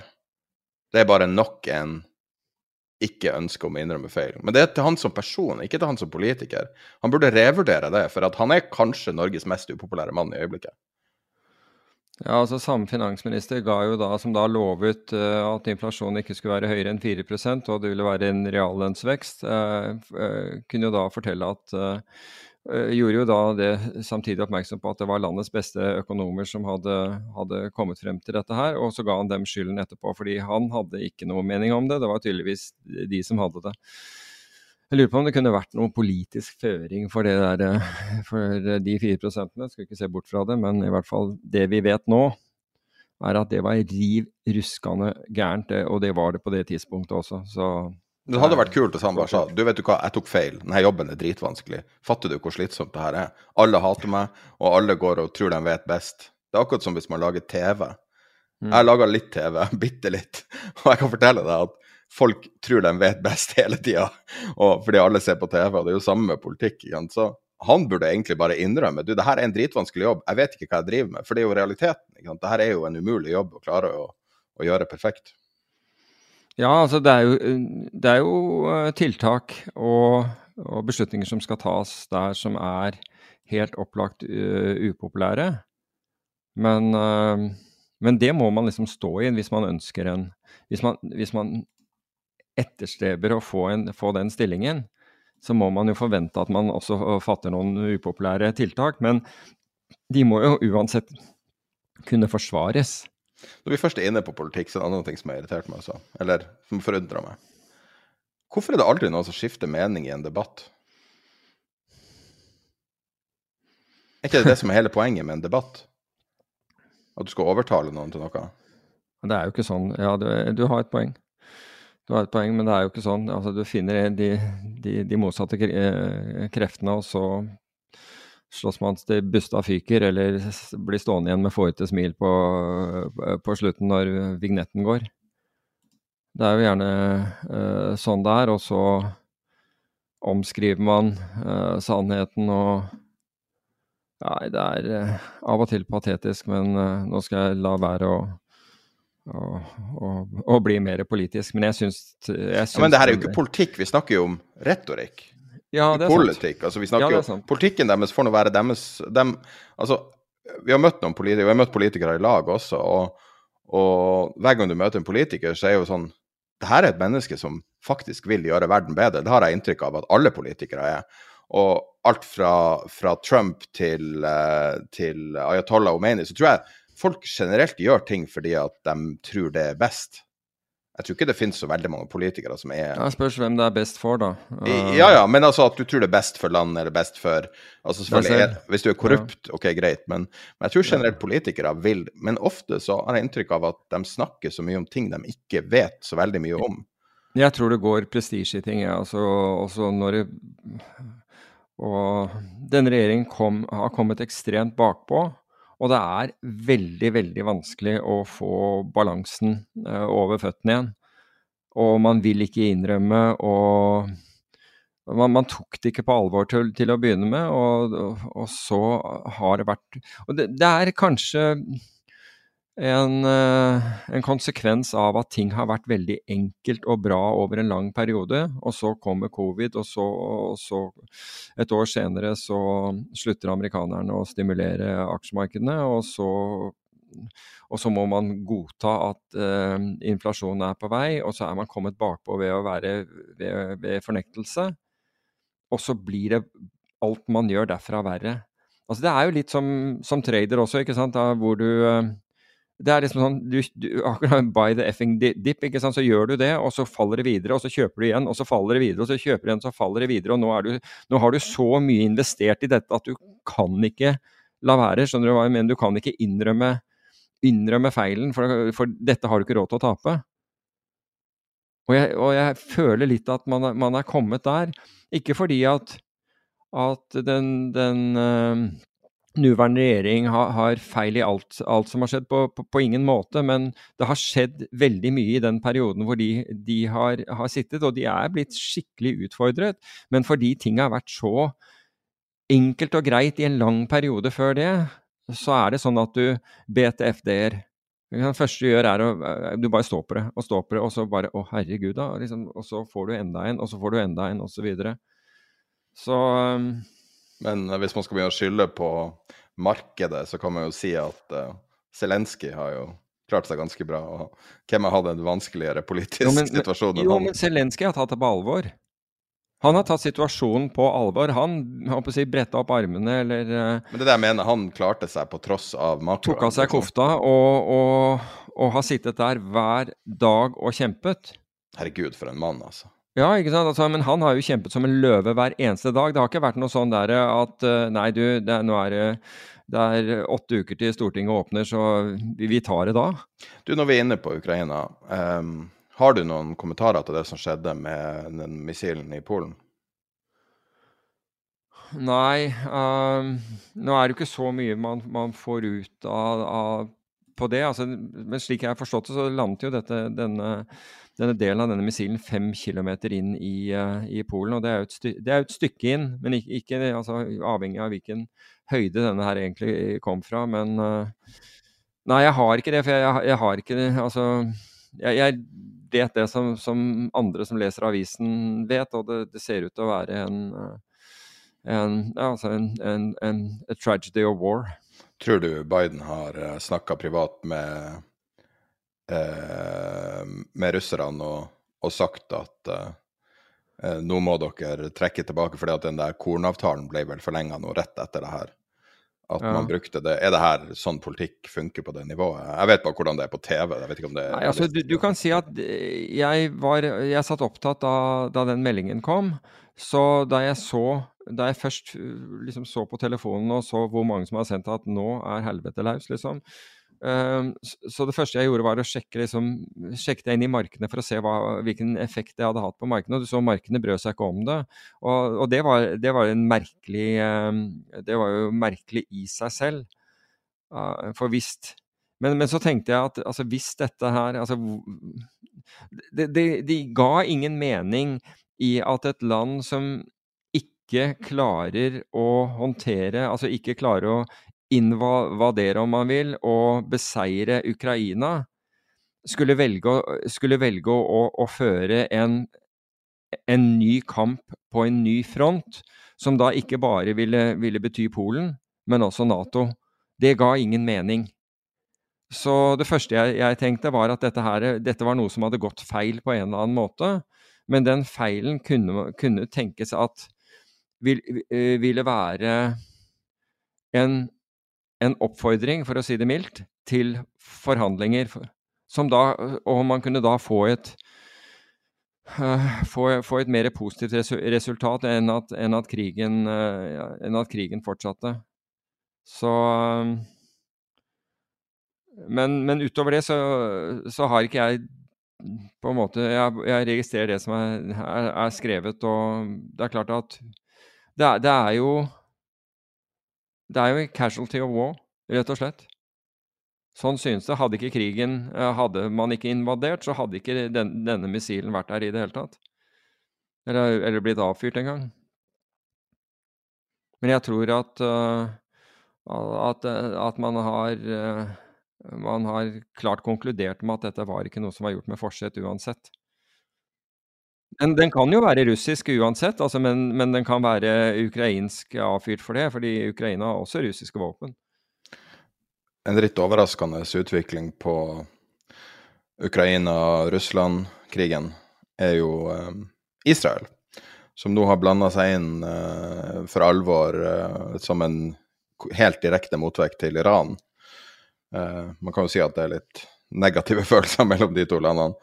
Og uh, i dag så er en melding som sier at hvis Iran sender langdistansemissiler til russerne, så sender eh, Israel det samme til Ukraina. Og det er jo det de har venta på.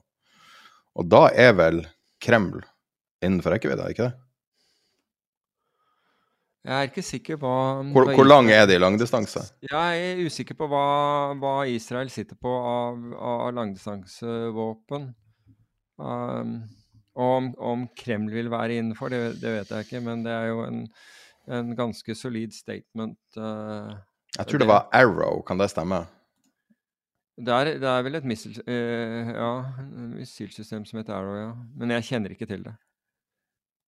Men uh, det ser nå ut som det er ganske heftige greier, i hvert fall. Ja. Og Israel kan våpen. Det kan de. Det kan de. Tror du det er en proxy for USA, at de bruker Israel siden Israel på en måte kan komme unna med mye mer enn USA kan? Nei, jeg tror ikke Ikke, ikke på nåværende nivå. Men det, er, men det trenger jeg å tenke grundigere på. Men det er bare, det er bare min første eh, reaksjon. Før vi hadde et siste du ville snakke litt om modellporteføljer, men før vi gjør det, så tenkte jeg jeg skulle prøve på noe som vi aldri har gjort før. Uh, som er litt sånn uh, ferd tilbake til 90-tallet og uh, sånne sportssendinger på NRK på vinterstid. Vi har fått det tilsendt en limerick. Har du lest den? Uh, jeg var ikke klar over at det var en limerick, men jeg så at vi hadde fått tilsendt uh, noe, ja. Ja, mulig at jeg, vi har fått tilsendt et dikt eller en sang eller et eller annet. Kan jeg prøve å lese den opp? Jeg har ikke lest den sånn at jeg har øvd på det. Jeg har lest den, men jeg har ikke øvd. uh, den heter Pengepressa. Sentralbanken nektet å la markedet falle. De fyrte alltid opp pressa og trykket penger til alle. Er det virkelig sant at festen er over? Hvor er Fed-putten vår? Ligger Powell og sover? Pål Ringholm forstår. Vi er blitt rike på gjeld. Fed blinker med lysa. Det nærmer seg kveld. Hva kan så hende hvis galskapen fortsetter ferden? Jo, hør mitt eksempel fra kryptoens verden. FTX hedget bets med sine monopolpenger. Sam Friedman ble fried, og nå finnes det ikke lenger. Idiotene trader jo for faen JPEGs av aper. Powell øker og øker til du møter din skaper. Han freste av harme fra, tronen, fra toppen av tronen. Nå gjør jeg som Folkler, dreper inflasjonen. Vekstaksjer, grønt og tech, det dundrer i bakken. Burde Euronex Growth fått politiet på nakken? Det grønne sølet skal ut, eh, er det Spetalen som melder. For nå er det gribbefond med distressed assets som gjelder. Hvor skal dette ende, er det vel ingen som vet. Bortsett fra Jim Cramer, da, vår treffsikre profet. Skrevet av finansnissen. Dæven, det er Det, var, det var, var, lagt litt i den, altså. Det var bra, den. Og, og, ikke minst, finansen var helt riktig. ja, jeg syns det var veldig bra, jeg. jeg ble nesten litt rørt av å Jeg prøvde å eh, Hva det heter Er det Jon Hervik Karlsen, var det han som hadde limerickene? Ja, det kan godt hende. Jon Hervik Karlsen, ja. ja. Nei, det, han ønska å bli uh, omtalt som finansnissen, så mm. Jeg tror jeg legger den med i nyhetsbrevet også. Jeg syns den var vakker. Ja, jeg synes jeg. Det der uh, Det var litt annerledes. Hva du syns om, uh, før vi går til det siste modellportefølje, uh, har du en kort kommentar på Arctic og, og Finanstilsynet? Ja, der er det Jeg, jeg syns det der begynner å bli mer og mer interessant det, når det gjelder eh, Nå fikk de Nå, nå fikk eh, ble, ble de eller, fin, jeg, jeg altså Finanstilsynet finner i dag at de har gjort brudd når det gjelder egenhandelsforskrifter, og også i forbindelse med, med noteringer som de har eh, bidratt med inn til Euronex Growth. Så det er liksom sånn enda en ting. Og så, le, så leser vi samtidig om at dette, dette vindmølleselskapet det, det, det, vindmølleselskapet som har gått helt på dunken, betalte dem altså tilsvarende 75 millioner kroner i honorar i fjor. Altså Her har alle investorene tapt penger. Og Arctic fortsetter å få, få honorar fra det selskapet, og det honoraret var tilfeldigvis lik det, det lønn og bonus til, til, administrerende direktør i Arctic var i fjor. Interessant i, i seg selv, men, men oppi det hele, altså så Finanstilsynet avdekket da i forbindelse med det vindmølleselskapet, den der svære saken som DN hadde eh, som en ren føljetong, så avdekket jo de at at det var begått grove brudd hos, uh, hos Arctic. Og så er konsekvensen ingen.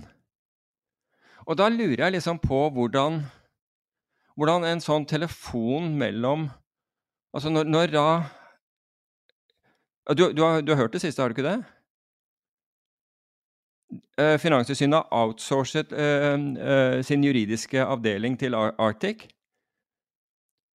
For det er tydelig, det derre altså, De ringer opp og sier, du, nå har dere blitt tatt i, i, i brudd igjen. Og da svarer liksom hos Arctic ja, du, vi, har en, vi, har en, helt annen lovforståelse av det. Å, å har dere? Ja, hva er det? Nei, vi, vi, mener at det er ikke noe brudd i det hele tatt. Det er, det er dere, som har, dere i Finanstilsynet som har tolket dette feil. Å, jøss. Yes. Ja, sier du det, ja? Ja, nei, da beklager jeg det der. Og, og forresten, du. Uh, uh, julebåret, det, det, er neste uke, ikke sant? Ja, flint. Jeg skal bare hilse, fordi uh, det, det, var så fint på Roland Garros i fjor. Det er veldig fint å kunne være med, men Men du at Finanstilsynet sendte Arctic til Roland Garros? er det det du anklager?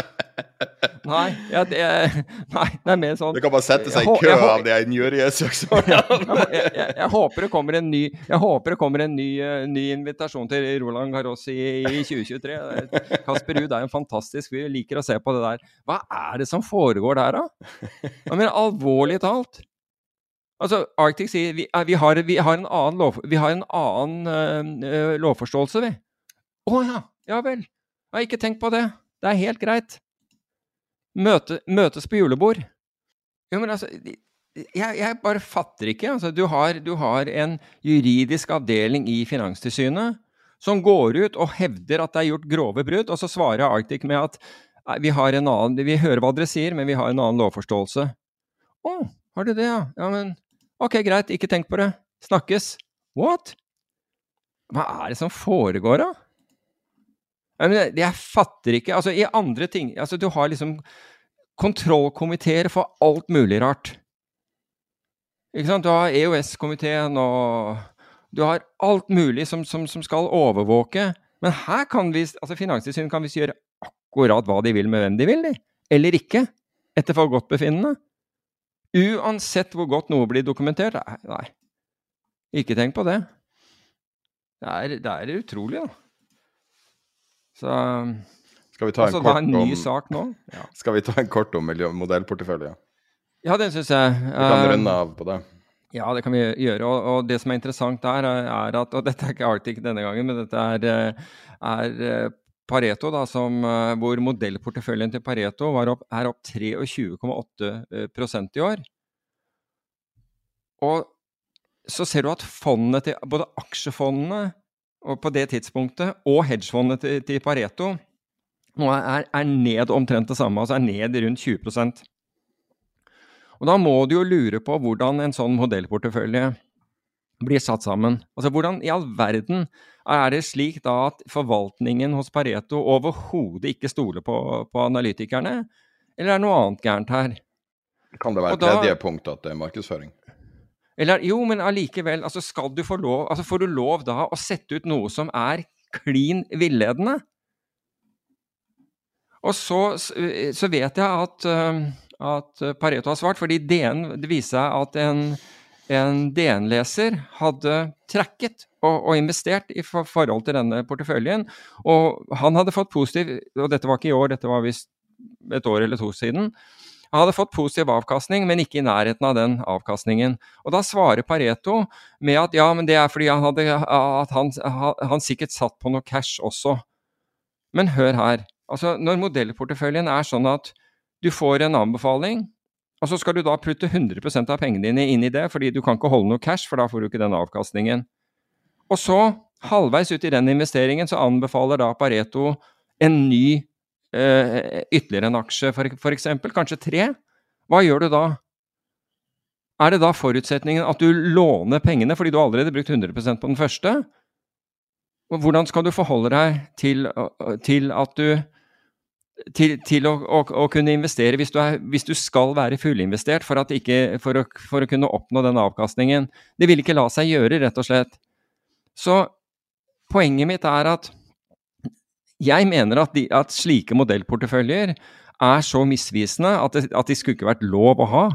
Skulle, altså Du må gjerne ha en modellportefølje, men da må du, da må, må du som alle andre som investerer, sette av en, en, en slump penger. Og, den kan være, kall den 100% Og så kommer det en anbefaling, og så putter du 10% av porteføljen i den, eller hva, eller hva som helst, eller et eller annet sånt. Slik at det er mulig å gjenskape en sånn avkastning. Hvis ikke, så er den totalt villedende. Og den, og den blir jo ekstremt villedende når modellporteføljen er opp 20, over 20% mens all forvaltningen de gjør, viser tosifret, eh, tosifret negativt tall. Vil du uh, ha tall, litt mer tall om den porteføljen som de kaller månedsporteføljer? Tror det er samme. I år er den opp 24 Oslo Børs er ned 2, uh, altså OECBX. I fjor var den opp 33% Oslo Børs var opp 23 uh, I 2020 var den opp 21% Oslo Børs opp 5 I 2019 var den opp 46% Oslo Børs opp 17 I 2018 var den opp 15% Oslo Børs ned 2 2017 var den opp 21% Oslo Børs opp 19 i 2016 var den opp 48% Oslo Børs opp 12 Eh, I 2015 var den opp 28% Oslo Børs opp 6 I 2014 var den opp 8% Oslo Børs opp 5 og i 2013 var den opp 39% Oslo Børs opp 24 Den har slått Oslo Børs hvert eneste år tilbake til 2013, og en av de mest imponerende forvaltningsresultatene jeg har sett på en stund. Uh, er det her ikke tilsvarende i fondet, det du sier? Det er jo ikke i nærheten av det, de, av det de leverer. Det er ikke i nærheten, og i år så er det diametralt motsatt. Det er helt forskjellig. ikke sant? Altså, Den er opp, mens fondet er da ned tosifret eh, Negativ tos, tosifret av, avkastning. Hvordan, hvordan, du kan hevde at dette Altså, det, det blir Etter min, min, oppfatning så burde bransjen ta, selv ta, eh, ta tak i dette, for det, for, fordi det er feil. Men det er ikke sånn at Pareto er spesiell der. Jeg tror det gjelder alle meglerhus har en tilsvarende. Jo, jo, men da gjør de realistiske. Er, altså, jeg trodde det var avisene som tok initiativ til det her. Det spiller ingen rolle hvem det er, men altså, når de ikke kan når de ikke kan, uh, kan brukes, så er, jo, så er, det jo, verdt null. En sånn portefølje, hvis den ikke tar, tar, stil, nei, tar høyde for eh, kjøpstidspunkt og sånn, hvis man bare er litt omtrentlig, det trenger ikke å være veldig mye omtrentlig, så misser du enorme bevegelser som påvirker resultatet veldig mye. Kanskje det er det som skjer, jeg vet ikke. For det er jo det, er jo det, Nei, som er problemet altså, med papirtrading, det at du ikke får slippage. Ikke? Ja, du får ikke slippage, og, og du, du, kan gjøre mye med det. Men uansett, jeg syns, at, eh, jeg syns jo at bransjen burde burde, være, altså burde øke, øke, kvaliteten på dette. Altså Hvis de har smarte, smarte analytikere, så for, for, all del, men, men gjør det sånn at, at, det går an å replikere, ellers er det bare tull. Men la, la, meg da ende, siden vi er helt på, på, slutten, on a positive note. Og det er at det er altså Det er et selskap som på HSBC hedgefond-listen De har en, da, en liste med Er det de 20, er det ikke det? De 20 beste og de 20 dårligste hedgefondene hvert år. Som de tracker. Det er Som, ikke, de, det er ikke HSBC 100 men det er Nei, nei, nei, det er ikke det, men, men det er, det er en, en av de mest kjente listene. Og der er det et norsk fond som går igjen i tre år på rad. Og det er Oslo Asset Management. Og, det, og, og her, er ikke, her er det ikke noen fabrikkerte resultater eller noe, noe skrivebordsmodellportefølje. uh. Her er faktisk resultatene som, som de har levert. Det syns jeg er ganske fint. Supert. Det er fin ting å avslutte på. Så kan vi gå tilbake til å sitte og følge med om Grayscale og Genesis er i fare, og hele kryptokomplekset fall. Vi har ikke orka å ta Vi har snakka så mye om krypto i det siste, så vi droppa det litt i dag. Men uh, det er jo to navn man kan følge med på uh, i uka som kommer. Ellers så er vi tilbake senere um, denne uka med en ekstraepisode med spørsmål og svar fra Peter. Hvis vi har et godt intervju å komme med, så bruker vi å legge det lammet i den episoden. Den kommer onsdag, torsdag, fredag, lørdag, søndag. Litt når det er klart. Um, og utenom det så er vi tilbake neste mandag med en ny episode. Ses da. Her er en liten uh, promo av vårt Patron-intervju med Tor Christian Karlsen. Uh, utrolig interessant uh, fotballekspert med vanvittig stor internasjonal administrativ erfaring. den kan du høre på i helhet på vår Patron. her er et lite klipp fra det intervjuet.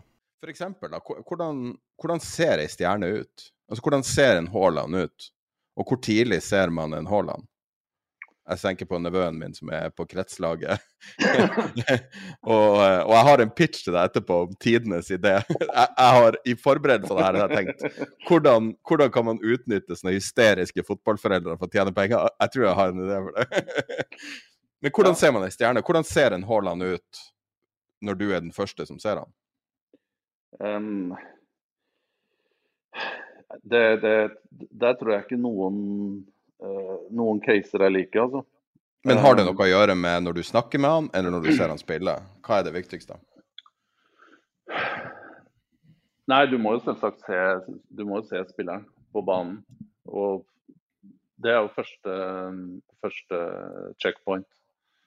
Um, og så er det vanskelig å bedømme på en måte Hvis du snakker om en verdensstjerne, da, eller skal bli topp 10-15-20 i verden, så er det det er jo veldig sjelden den type spillere kommer som du kan si i en alder av 17-18-16 at dette kommer til å bli en world beater. Um, juryen er jo Og hvor skal vi legge lista, da? Er Neymar f.eks. er han Han er jo verdensstjerne, men er han på en måte Han er jo ikke Messi eller Cristiano Ronaldo. Det ble kanskje litt Nå legger jeg lista kanskje litt, litt høyt her, da. Uh, hvis Neymar ikke men, men, Tredje dyreste spilleren ever, eller noe sånt. Ja, men det, men det leder meg til um, dit jeg skulle. At jeg så jo han da han var uh, 17-18. Uh, Neymar? På, ja, på aldersbestemte landslag i Brasil. Jeg var ikke på en måte Der var ikke noe oppdager um, situasjon, fordi han var allerede godt hypa og folk snakka om nye Pelé. Så det var egentlig, der kom jeg til dekka bord. Og, eh, men det var, var, sånn du var usikker på, selv om du så alle de tingene han hadde. Teknikken og øh, vendingene og hurtig Altså hvor hurtig han omsatte ideene da, ut til, ut til uh, action med ballen. Det var helt vanvittig. Men du har jo også sett en del dusin eh, sånne typer spillere. Kanskje ikke så ekstreme, da, i samme alder. Og det tror jeg krever et øh, øh, Kanskje et jeg, jeg, har jo vært seniorspeider, så jeg har kun på en måte speidet spillere for senior, for profesjonelle klubber, ikke ungdomsspeiding. Og det er en litt annen type remit, vil jeg påstå. Men ingen, selv på disse turene hvor jeg har vært på eh, reist sammen med eh, profilerte speidere fra toppklubber i Europa. Eh, jeg husker jo en gang, dette var i søramerikanske U20-mesterskapet, på vei tilbake fra en kamp. Um, det var vel i Peru, tror jeg. Og da satt jeg i en bil med en representant fra en, en veldig stor spansk klubb og en portugisisk klubb. Og, de, og hvorfor de begynte å krangle om dette her, det er jo uvisst. Men for det var poenget. og Det er jo ikke hverandre man skal krangle eller dele informasjon med. Men de eh, var så uenige som man kunne bli hvorvidt Casemiro, om det ble en spiller av han i det hele tatt. Og han er jo nå i Manchester United og har vunnet et par uh, Champions League-trofeer uh, også med, med, Real Madrid. Så det jeg skal fram til her, Sverre, det er jo at det er ikke altså, det er jo ikke en eksakt vitenskap. og Mye går på preferanser og mye går på eh, litt ja, Også for spilleren sin del. å ta det riktige steget til riktig tid komme til den riktige klubben, komme til den riktige treneren som vil satse på deg, bruke unge spillere. Hvis du ikke planlegger da veien din øh, frem riktig, så kan du jo risikere å ikke maksimalisere potensialet ditt når du kommer i midten av 20-årene f.eks. Men jeg husker jo da kan, Bare for å ta Haaland, første gang jeg så han var vel ja, de kampene etter han eh, debuterte for Molde der. Ja, du, du, altså I alder av 17 år så du så jo at han her kommer til å bli vanvittig god. Og det Var det det tidsrommet der han skårte ni mål i en landslagskamp? Ja. Um, nei, det var jo i U20-VM i Polen, det. Um, så dette var vel da halvannet år før, tror jeg. Da, da var han jo allerede i, i Han er rimelig komplett i det klippet jeg har sett, i hvert fall. ja, det var jo så ekstremt at man begynte å mistenke at det var kampfiksing, og at uh, var det det var, et, var det, da er det god, da. Var det Honduras, var det ikke det, som var motstander? Ja, muligens. Hadde... Jeg så ikke så mye til motstanderne, det var mest han. men, men uh, han kunne på en måte Mye skulle gå galt om ikke han kom til å bli en absolutt i verdensklasse uh, spiss. Men det poenget mitt er, sitter ikke mye av det der i hodet hans? For du ser hvordan han responderer nå på press. Du ser hvordan han responderer på å komme til en stor klubb, store summer, folk som gambler en høy prosentandel av uh, diverse oljefond i Midtøsten. og, og, og gambler det på å få han over, og han liksom bader i penger og alt sånt. Men det som er interessant, syns jeg, med han som fenomen Igjen, jeg er ikke noe spesielt interessert i fotball, jeg ser aldri på, men jeg kan se på City-kamper av og til. Fordi jeg liker rett og slett å se på han. Han er så vanvittig vinner som jeg aldri har sett maken til. Og det er noe med å se på vinnere som er helt magisk. Og, og for meg så må det må være noe i hodet hans. Han har, virker å ha en helt annen innstilling til ting. Og, og det jeg lurer på, er sånn som hvis, når du så en ung Neymar, ikke sant? det er jo Han har veldig åpenbare ferdigheter. Men jeg tenker, når du ser Haaland, så ser du den skryten han får. Da får han skryt om ting han gjør utenfor banen. Og det jeg lurer på er, liksom, Ser du de der tingene tidligere? Er det sånne ting du kan pinpointe? Eh, eller en Solskjær som ikke var tidlig stjerne. Solskjær ble jo refusert i Tromsø rett før han gikk til Molde. De ville ikke ha han. Og da, kort tid etterpå, var han i United. Ja, men hadde dere, dere, hadde vel både Rushfeldt og Årst eh, på topp Det var glansdagene. så nåløyet var jo trangt der òg. Jeg hadde samme nummer som, um, som Rushfeldt når jeg spilte når jeg spilte fotball. Det var min eh, Og så var jeg litt høyere enn de andre. Men yes. Eh, jeg, jeg, ble faktisk uttatt til kretslaget. Det var den dagen jeg slutta. Jeg var aldri god spiller. Men du var i TIL-systemet, eller? TIL, ja. Jeg spilte jo med Du sier sikkert eh, eh, Morten Jæver og Ole Talberg. Jeg vedder på de navnene, har du hørt om? Ja, ja. Jeg har hørt, ja. Jeg spilte med mange landslag, som ble landslagsspillere og sånn. Men det, eh, det, som er interessant når jeg så de her folkene som, som ble profiler, selv om de ble ikke store stjerner, så ble de jo De kunne leve av fotball. Og, og, det du så, du så det jo så utrolig tidlig at de hadde noe. Men kanskje de mangla den siste lille edgen som gjør at du trener en time ekstra hver dag, eller Det jeg lurer på, er hvordan ser ekstreme ferdigheter ut før det er ferdigutvikla? Det er det jeg prøver å stille et veldig veldig langt spørsmål om jeg tror etter hvert som fotballen profesjonaliseres og vi bruker mer, mer teknologi og all viten rundt det fysiske også um, Bare år for år så tar man større steg. Så gjør jo det at man må reise seg enda flere hakk. da. for å komme opp til toppen. Um, så jeg tror de som ikke har de riktige holdningene, og flyter litt på talent og litt X-faktor teknikk, de faller fort av. Og de faller jo mye fortere av i dag enn de gjorde selv på 2000-tallet f.eks. Så har du jo spillere som jeg skal ikke nevne navn eller oute noen, men uh, fotballkjennere vil nok uh, ha mistanke om hvem jeg tenker på her. Men det var jo profiler i Eliteserien som kanskje i dag ikke hadde vært uh, helt der oppe. Um, så, fra tidligere? Ja, fra 2000-tallet. Uh, ja. Og poenget mitt er at de kravene som stilles i dag, på det fysiske og på ernæring og på søvn og alle disse liksom, Der du kan hente inn prosenter, ekstra, ekstra gains, um, det oppdages hele tiden. Du, du må også være interessert i ja, bruke hjernen, da. Uh, man ser jo, man, jo, Det er jo flere landslagsprofiler som bruker VR til å trene opp um, persepsjon og wow. trene opp blikket og oppfatte situasjonen.